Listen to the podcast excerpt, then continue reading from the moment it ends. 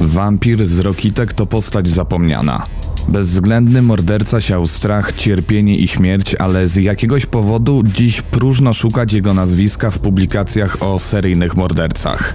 Czyny, których dopuścił się w latach 70. i 80., są jednak nie mniej odrażające niż najbardziej znanych polskich zabójców z okresu PRL-u. Nie da się niestety oprzeć wrażeniu, że wielu ofiar udałoby się uniknąć, gdyby tylko milicja od razu uwierzyła poszkodowanym kobietom.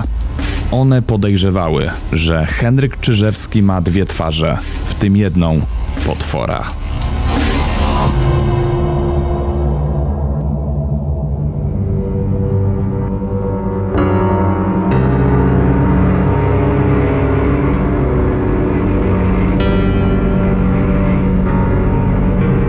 Opowiem Ci historię.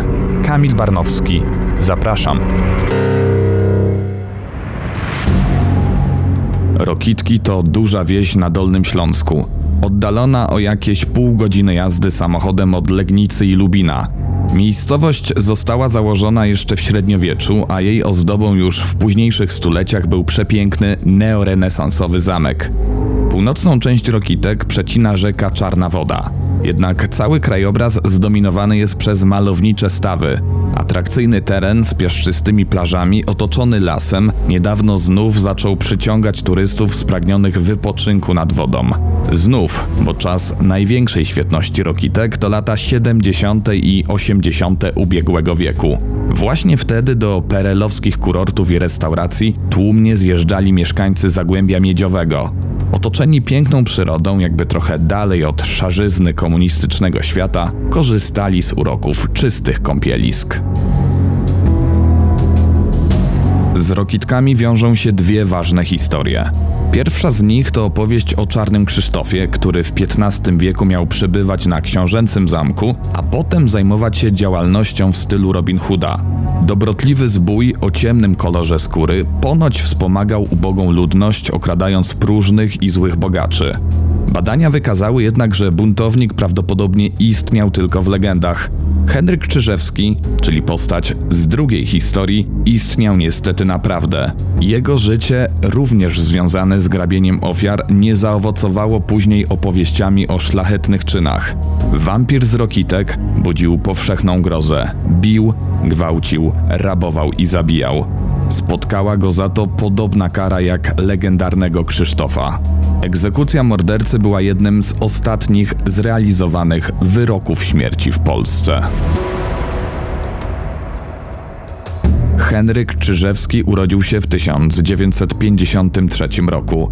Jego wyburzony już dom o numerze 21A stał nieopodal słynnych rokickich stawów i kurortów. Dobrze zbudowany, przeciętnie wysoki chłopak miał wadę wzroku, dzięki której ominęła go zasadnicza służba wojskowa. Z wykształcenia był cieślą, a wolny czas spędzał na trenowaniu umiejętności piłkarskich z lokalną drużyną. Wysportowany, ciemnowłosy zawodnik robił doskonałe wrażenie na młodych sąsiadkach. Tajemnicą Poliszynela były liczne schadzki Henryka zarówno z udziałem panien, jak i mężatek. Z pewnością jego wartość w oczach miejscowych kobiet podnosił fakt, że Czyżewski w przeciwieństwie do innych mężczyzn nie nadużywał alkoholu. Brał udział w zabawach, ale kiedy starym wiejskim zwyczajem rozpoczynała się pijacka burda, nie dołączał do bijatyki. Od spokojny, może nieco skryty, sympatyczny sąsiad.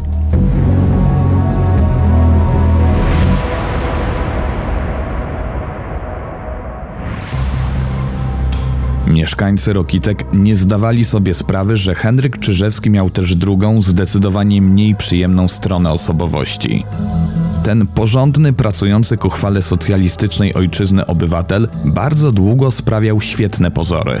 Swoją zbrodniczą karierę rozpoczął podobnie jak wielu innych seryjnych morderców, nie od zabójstwa, ale od gwałtu, a właściwie jego próby.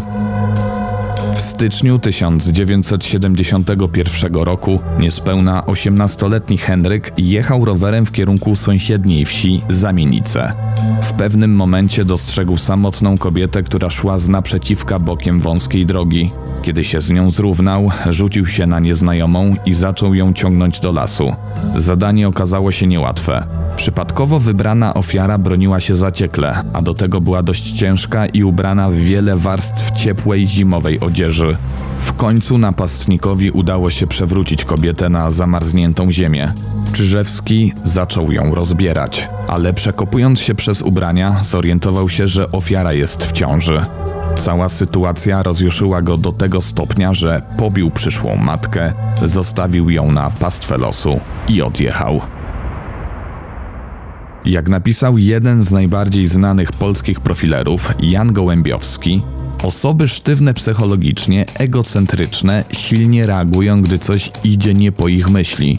Nie potrafią przystosować się do zmiennych warunków, irytują się, odczuwają dyskomfort, są sfrustrowane.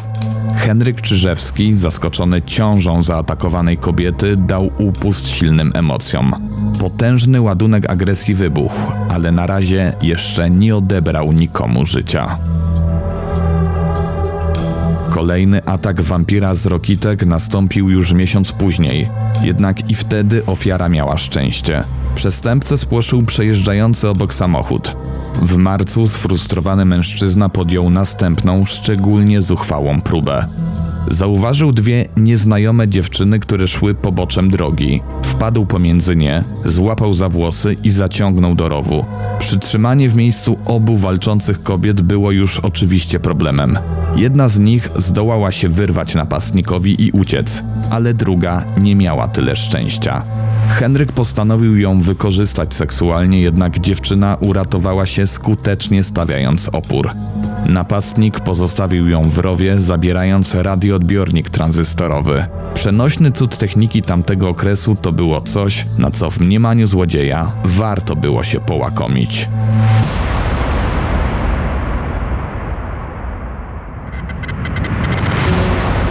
Następne miesiące i lata były naznaczone kolejnymi atakami na przypadkowo spotkanych kobietach.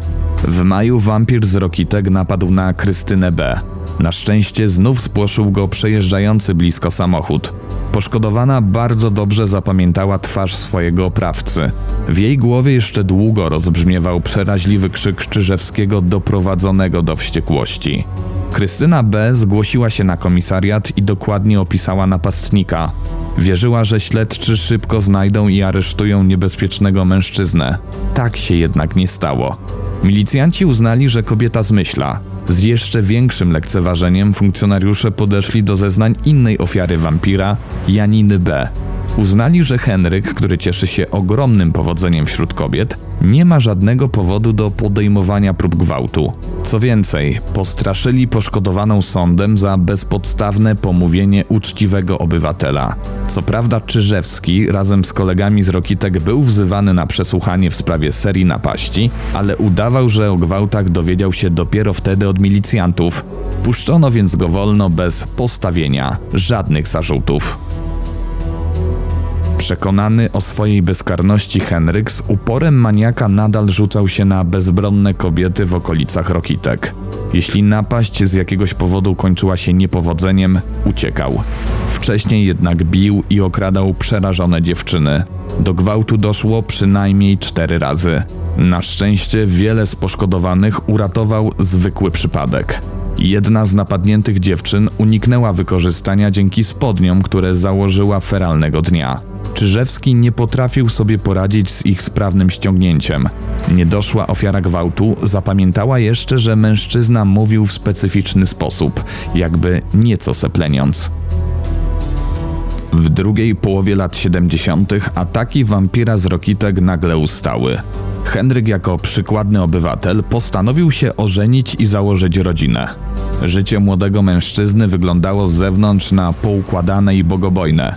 Po Rokitkach przestały krążyć plotki o tym, że to właśnie on może być poszukiwanym gwałcicielem. Czyżewski doczekał się trojga dzieci, które w chwili wykonania na nim egzekucji miały zaledwie 5, 6 i 8 lat. Jeśli wierzyć słowom Henryka, z żoną kochał się bardzo często. Jego wielki apetyt seksualny zaspokajały też liczne kochanki. Współżycie pozamałżeńskie ułatwiała mu praca, dzięki której regularnie bywał w delegacjach. Ostatnią firmą, która zatrudniła mężczyznę na stanowisku operatora spycharki i równiarki, było przedsiębiorstwo komunikacji urządzeń melioracyjnych w Miłkowicach. Z racji wykonywanego zawodu, Czyżewski jeździł po terenie całego, mocno przemysłowego, dawnego województwa legnickiego.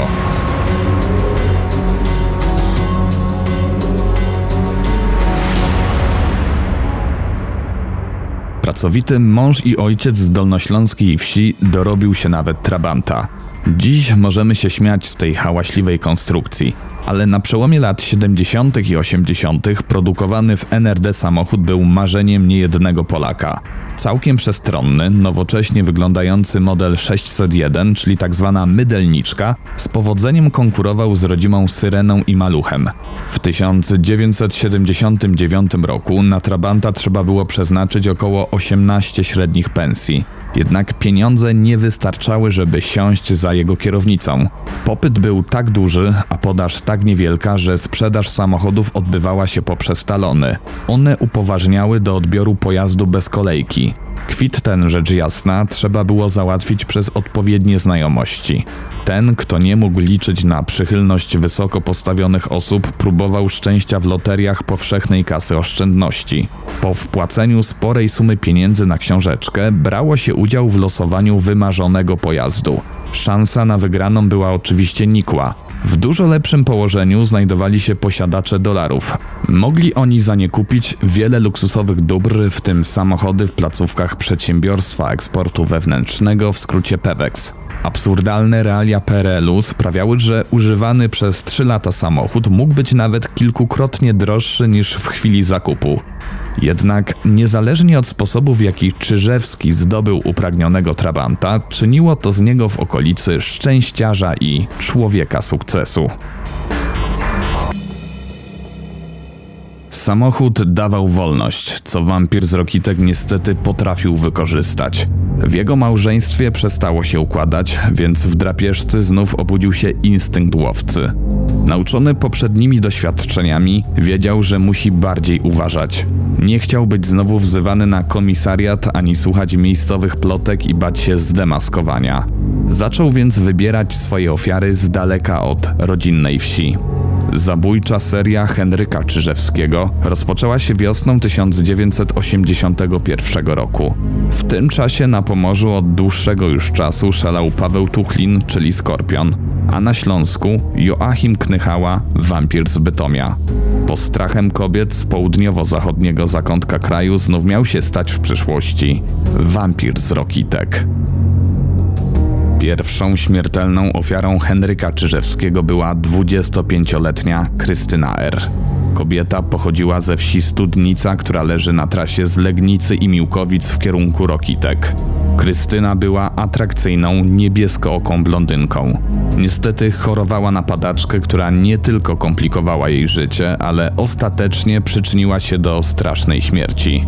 We środę 1 kwietnia 1981 roku dziewczyna wyszła z domu w lekkim czarym płaszczu, welwetowych spodniach i brązowych półbutach na szpilce.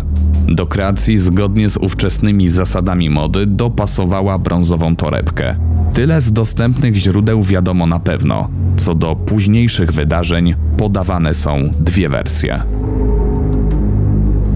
Pierwsza z nich zakłada, że Czyżewski spędził wieczór w kawiarni w Legnicy w towarzystwie znanej mu już wcześniej Krystyny R. Po opuszczeniu lokalu para wsiadła do Trabanta i ruszyła w stronę Studnicy. Trasa do rodzinnej miejscowości kobiety powinna zająć raptem 15 minut, ale wydłużyła się o jeden przystanek. 28-letni Henryk zjechał z głównej drogi. Zatrzymał się, po czym w wiadomym celu rozłożył przednie siedzenia samochodu. Według alternatywnej wersji wydarzeń, Krystyna R. nie znała Henryka Czyżewskiego i nie spotkała go w kawiarni. Próbowała natomiast zatrzymać okazję na drodze wylotowej ze stolicy województwa. Rzadko kursujące PKS-y i mała dostępność samochodów sprawiały, że nikogo nie dziwił widok osoby, które próbowały dostać się autostopem do domu albo pracy. Niestety przy Krystynie zatrzymał się właśnie wampir z Rokitek. Rozmowa z piękną nieznajomą kleiła się i miała podobno nawet podtekst seksualny. Czy tak faktycznie było i rozochocony mężczyzna dopiero w trakcie podróży postanowił wykorzystać kobietę, czy też zatrzymał się przy niej już z takim zamiarem? Tego nie wiadomo. Można jedynie zakładać, że jego intencje od samego początku nie były czyste, a swoimi opowieściami próbował później w jakiś sposób usprawiedliwić to, co zrobił. W Trabancie faktycznie doszło do zbliżenia, ale z pewnością odbyło się ono bez zgody ofiary. Być może na tym by się skończyło, gdyby nie atak epileptyczny, którego doznała w trakcie napaści Krystyna R. Zaskoczony Czyżewski w żaden sposób nie pomógł dziewczynie, ale chwycił pasek jej płaszcza, okręcił wokół szyi i zacisnął. Po przejechaniu kilku kilometrów wyniósł uduszoną ofiarę z samochodu i wyrzucił jej ciało głową w dół do studzienki kanalizacyjnej pod Złotoryją. Wiedział o istnieniu włazu do kolektora ściekowego, ponieważ nie tak dawno przy nim pracował. Był przecież zatrudniony w przedsiębiorstwie konserwacji urządzeń melioracyjnych. Wybrane miejsce ukrycia zwłok okazało się bardzo skuteczne. Kiedy Krystyna R. nie wróciła do domu, jej bliscy zgłosili milicji zaginięcie. Podobizna i rysopis kobiety pojawiły się m.in. w lokalnej gazecie. Jednak nie pomogło to w odnalezieniu jej szczątków.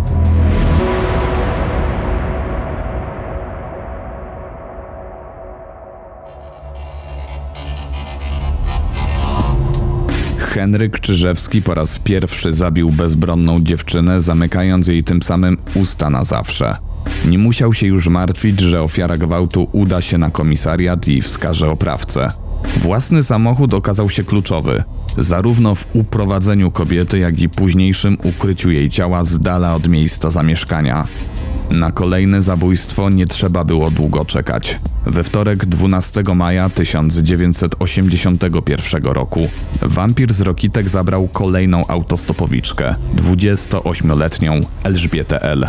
Wyjątkowo ładna recepcjonistka hotelu w Bolesławcu, podobnie jak poprzedniczka, trafiła na Czyżewskiego w Legnicy. Próbowała zatrzymać okazję przy ulicy Hojnowskiej niedaleko stacji benzynowej CPN. Kobieta nigdy nie dotarła do celu podróży. Bezwzględny mężczyzna skręcił w wyboistą drogę, po czym zaparkował trabanta na granicy pola i lasu w okolicy Tomaszowa Bolesławieckiego. Wysadził Elżbietę L z samochodu, zaciągnął ją między drzewa, wykorzystał i udusił za pomocą rajstop. Z torebki ofiary ukradł około 4000 zł i 20 marek niemieckich, co przy średniej pensji, niecałych 6000 zł było dużą sumą pieniędzy. Zwłoki zamordowanej pozostawił w lesie i odjechał. W trakcie późniejszych poszukiwań Elżbiety L. milicja dotarła do świadków, którzy zapamiętali trabanta zatrzymującego się przy ulicy Hojnowskiej. Zaczęto więc ustalać i sprawdzać kilkuset właścicieli charakterystycznego pojazdu. Wampir z Rokitek jeszcze o tym nie wiedział, ale właśnie zaczęła się zacieśniać kolejna pętla i to na jego własnej szyi. Zanim funkcjonariusze bliżej przyjrzeli się Czyżewskiemu i dotarli do jego portretu pamięciowego z lat 70., minęło niestety dużo czasu. Wybudzony z uśpienia potwór nie próżnował. We czwartek 2 lipca 81 roku mężczyzna przebywał w Chojnowie. Obok dworca autobusowego zauważył ciemnowłosą, atrakcyjną osiemnastolatkę. To Janina C. Nie chciała czekać na kurs PKS-u. Wolała złapać okazję. Na swoją zgubę dziewczyna zaufała przystojnemu właścicielowi Trabanta i wyruszyła z nim w ostatnią podróż w kierunku Rokitek. W pobliżu wsi Czernkowice mężczyzna skręcił nagle w polną drogę. Po około dwóch kilometrach jazdy zatrzymał się pomiędzy łanami wyrośniętego żyta. Nastolatka początkowo opierała się, ale po silnym ciosie w twarz zaczęła posłusznie zrzucać ubrania. Henryk wykorzystał Janinę a po wszystkim wyciągnął z jej sukienki pasek, okręcił wokół szyi i udusił. Ciało, podobnie jak wcześniej, po prostu zostawił i pojechał do domu.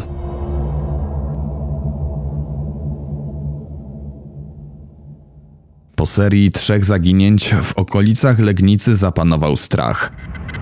Ludzie gubili się w domysłach i znów szeptali o tajemniczym wampirze. Milicja każdą ze spraw traktowała oddzielnie, a w śledztwo były zaangażowane dwie grupy dochodzeniowe, co dodatkowo komplikowało sytuację. Niestety wątpliwe, że zaginięcia młodych kobiet traktowano wtedy priorytetowo.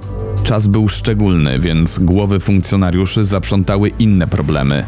Nieustannie rósł niepokój społeczny, przez kraj przetaczały się strajki Solidarności. Polacy coraz bardziej odczuwali brak towarów w sklepach, których półki świeciły pustkami. Podstawowe produkty typu mięso, mąka czy masło były dostępne na kartki. Protestowano też na uczelniach, sprzeciwiano się przetrzymywaniu więźniów politycznych i wszechobecnej propagandzie. Absurdy PRL-owskiej rzeczywistości początku lat 80. Stanisław Bareja ukazał w filmie Miś, który swoją premierę miał 4 maja 81 roku. Natomiast w październiku pierwszym sekretarzem KCPZPR został Wojciech Jaruzelski. Dwa miesiące później, 13 grudnia, dzieci zamiast teleranka zobaczyły twarz przywódcy i usłyszały o wprowadzeniu stanu wojennego. Jakby tego było mało, w wielu regionach Polski cały czas krążyły opowieści o nieuchwytnych zboczeńcach mordujących kobiety. Dodatkowo w lipcu 1982 roku kina zaczęły wyświetlać film Anna i wampir, który rekonstruował polowanie na wampira z Zagłębia Zdzisława Marchwickiego. Obraz ten miał uspokoić opinię publiczną i przywrócić jej wiarę w skuteczność milicji. Wyjątkowo burzliwy okres w dziejach kraju okazał się dla wampira bardzo pomyślny w sferze prywatnej. Dobiegający do trzydziestki mężczyzna zaczął się spotykać z kobietą, którą traktował dużo poważniej niż dotychczasowe kochanki. Udany romans wyciszył zbrodnicze zapędy. Czyżewski karmił wybrankę czułymi słowami o miłości, w które ta początkowo wierzyła i zgadzała się na odgrywanie drugoplanowej roli. Jednak w pewnym momencie zaczęło ją uwierać, że po namiętnych uniesieniach Henryk wraca do żony i dzieci. Zażądała rozwodu, ale Czyżewski nie myślał rezygnować z rodziny oraz wizerunku przykładnego, bogobojnego obywatela. Ostatecznie kochanka wzięła ślub z innym mężczyzną, co wbrew pozorom nie przeszkadzało jej w kontynuowaniu spotkań z przystojnym Henrykiem.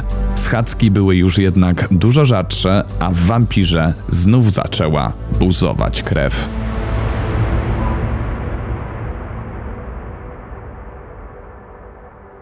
Tymczasem w tej historii nadszedł rok 1983, który przyniósł wiele zmian. 12 maja funkcjonariusze MO śmiertelnie pobili maturzystę Grzegorza Przemyka, syna działaczki opozycyjnej Barbary Sadowskiej. Pogrzeb chłopaka stał się wielką manifestacją przeciwko władzy komunistycznej. W czerwcu do ojczyzny zawitał papież Jan Paweł II. Spotkał się wtedy zarówno z Lechem Wałęsą, jak i Wojciechem Jaruzelskim. 22 lipca stało się to, na co wszyscy od długiego czasu czekali. Został zniesiony stan wojenny i uwolniono większość więźniów politycznych. Latem 1983 roku Henryk Czyżewski postanowił sprzedać Trabanta. Od tej pory sam musiał korzystać z uprzejmości obcych kierowców. Jednym z takich dni była sobota, dokładnie 3 września 1983 roku. Mężczyzna wysiadł z samochodu niedaleko ośrodka rekreacyjnego, który znajdował się nad jednym ze stawów w Rokitkach. Pomimo późnej pory okolica żyła. W miejscowej kawiarni ludzie bawili się i korzystali z ostatnich uroków lata. Na spotkanie z przyjaciółmi umówiła się także 20-letnia Bożena H. Piękna dziewczyna z lekko falującymi włosami założyła szalenie wówczas modny kombinezon przepasany sznurkiem. Dekolt ozdobiła złotym łańcuszkiem, natomiast na rękę założyła zegarek marki Łucz, oczywiście produkcji radzieckiej. Niestety, wracający do domu Czyżewski dostrzegł młodą kobietę, która podążała z naprzeciwka. Kiedy się zrównali, Bożena próbowała wyminąć mężczyznę, ale ten zagrodził jej drogę. Jedną ręką zakrył dziewczynie żeby nikt z imprezowiczów nie usłyszał jej krzyku, a drugą chwycił w pasie i zaciągnął na pole ziemniaków.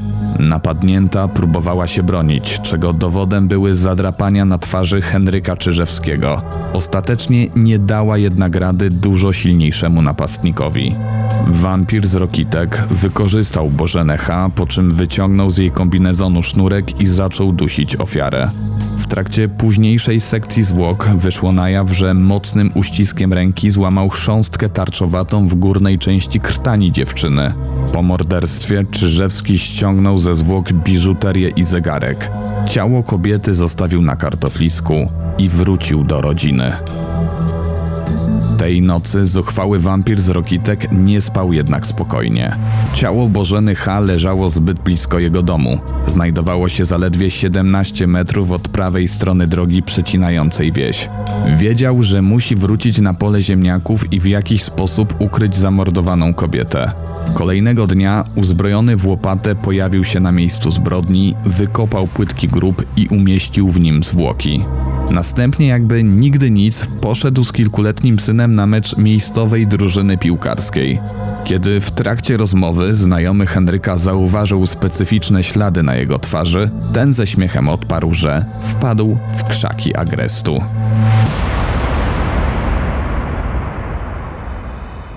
Zabójstwo Bożeny H. było na szczęście ostatnim, jakiego dopuścił się Czyżewski. Mężczyzna został zatrzymany 10 października 1983 roku za sprawą zeznań Krystyny B., czyli kobiety, którą przed laty pobił i próbował zgwałcić. Ofiara rozpoznała napastnika wśród podróżnych pociągu. W trakcie przesłuchania wampir z Rokitek początkowo wypierał się jakiegokolwiek kontaktu z Krystyną B. Twierdził, że owszem, znają z widzenia, ale poza tym nic go z nią nie łączy. Jednak tym razem śledczy nie dali tak łatwo za wygraną. Po przyjrzeniu się portretowi pamięciowemu z lat 70., rozpoznali w nim właśnie Henryka Czyżewskiego, byłego właściciela Trabanta. Przyciśnięty do muru, w końcu pękł i przyznał się do wszystkiego, co zrobił: rozbojów, kradzieży, gwałtów i zabójstw. Tłumaczył się, że po pierwszym morderstwie, którego ofiarą była epileptyczka Krystyna R., miał ogromne wyrzuty sumienia, ale nie oddał się w ręce milicji z uwagi na rodzinę. Nie chciał, żeby jego żona została sama z trojgiem małych dzieci. Argumentował też, że napadał na kobiety, bo miał takie potrzeby. I mógłby to robić cały czas, ale się kontrolował. 24 października 1983 roku odbyła się wizja lokalna. Henryk Czyżewski pokazał śledczym, gdzie odebrał życie czterem młodym dziewczynom. Ciała ofiar znajdowały się już w stanie znacznego rozkładu. Na miejscu zbrodni zabezpieczono m.in. elementy odzieży, w tym bieliznę oraz paski, którymi dusił bezbronne kobiety. W domu wampira odnaleziono też zrabowane przedmioty. Już po przyznaniu się do winy, wampir z Rokitek nagle odwołał wszystkie wcześniejsze wyjaśnienia i zaczął utrzymywać, że jest niewinny. Na spotkaniach z prokuratorem narzekał na bóle głowy i dręczące go myśli samobójcze. Świadkom, którzy zeznawali w jego sprawie, zarzucał natomiast kierowanie się zazdrością i chęcią zemsty. Przeciwko wampirowi z Rokitek wystąpiła nawet jego żona. Czyżewski twierdził, że kobieta chce go zniszczyć, żeby odziedziczyć wypracowany przez niego majątek. Warto dodać, że równocześnie z aresztu wysyłał do domu kartki z ciepłymi słowami dla najbliższych. Jak można się domyślać, desperackie zabiegi wampira z Rokitek, przerażonego wizją najgorszej możliwej kary, nie przynosiły żadnego efektu. 14 kwietnia 1985 roku prokuratura wojewódzka w Legnicy wystosowała do sądu akt oskarżenia przeciwko Henrykowi Czyżewskiemu. W piśmie zarzucono mu nie tylko gwałty i zabójstwa czterech kobiet w latach 1981-83. Wampir z Rokitek był również sądzony za siedem innych przestępstw. Rozboje, kradzieże i gwałty na szczęście niezakończone śmiercią ofiar. Dokładnie miesiąc później rozpoczął się proces 32-letniego mężczyzny. Czyżewski składał wyjaśnienia pierwszego dnia. Upierał się, że jest całkowicie niewinny. W obecności sądu przesłuchano kilkudziesięciu świadków, w tym wiele kobiet, które w przeszłości zostały napadnięte przez oskarżonego. Powołani biegli psychiatrzy orzekli, że w momencie popełnienia przestępstw Henryk Czyżewski był w pełni poczytalny i może odpowiadać za to, co zrobił. Jeden z fragmentów opinii lekarzy brzmi następująco. Zgodnie stwierdziliśmy, że badany nie ujawnia objawów choroby psychicznej. Nie stwierdzamy także istotniej wyrażonych objawów deficytu intelektualnego. Materiał akt oraz badanie pozwala na stwierdzenie u podejrzanego cech prymitywnej osobowości, manifestujących się głównie poprzez ogólnie uproszczone ujmowanie własnych dokonań w relacjach słownych, jednoznacznie instrumentalne podejście do życia erotycznego, brak zainteresowań i planów życiowych. Proces nie trwał długo. Wyrok zapadł już 14 czerwca 1985 roku. Budzący powszechną grozę wampir z Rokitek został uznany winnym wszystkich zarzucanych mu czynów. Sąd wojewódzki w Legnicy zasądził karę śmierci i pozbawienie praw publicznych na zawsze. W wyroku argumentowano, że człowiek, jego godność i cześć były dla Henryka Czyżewskiego jedynie instrumentem, który bez żadnych skrupułów można podporządkować swojej rządzy. Adwokat skazanego próbował uratować go przed śmiercią i wniósł rewizję do Sądu Najwyższego. Jak szybko się okazało, bezskutecznie. W uzasadnieniu o utrzymaniu wyroku można przeczytać, że kary tej sąd nie traktuje w myśl zasady oko za oko, ząb za ząb. Kara orzeczona wobec oskarżonego Czyżewskiego musi czynić zadość sprawiedliwości, a to osiągnąć w tym tak krańcowym przypadku może tylko kara najsurowsza. Henryk Czyżewski, czyli krwawy wampir z Rokitek, który przez wiele lat budził grozę lokalnej społeczności, został stracony 29 kwietnia 1986 roku. Miał wówczas 33 lata. Egzekucję wykonano dokładnie o 19.30 w zakładzie karnym we Wrocławiu. Była to jedna z ostatnich kar śmierci, którą wykonano w Polsce.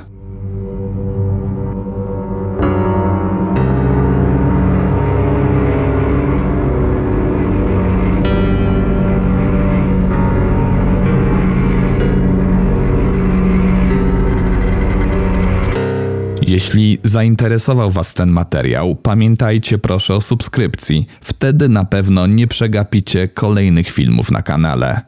Zapraszam Was również do grupy dyskusyjnej na Facebooku o nazwie Opowiadacze Historii. Tam publikowane są dodatkowe materiały na temat poruszanych spraw.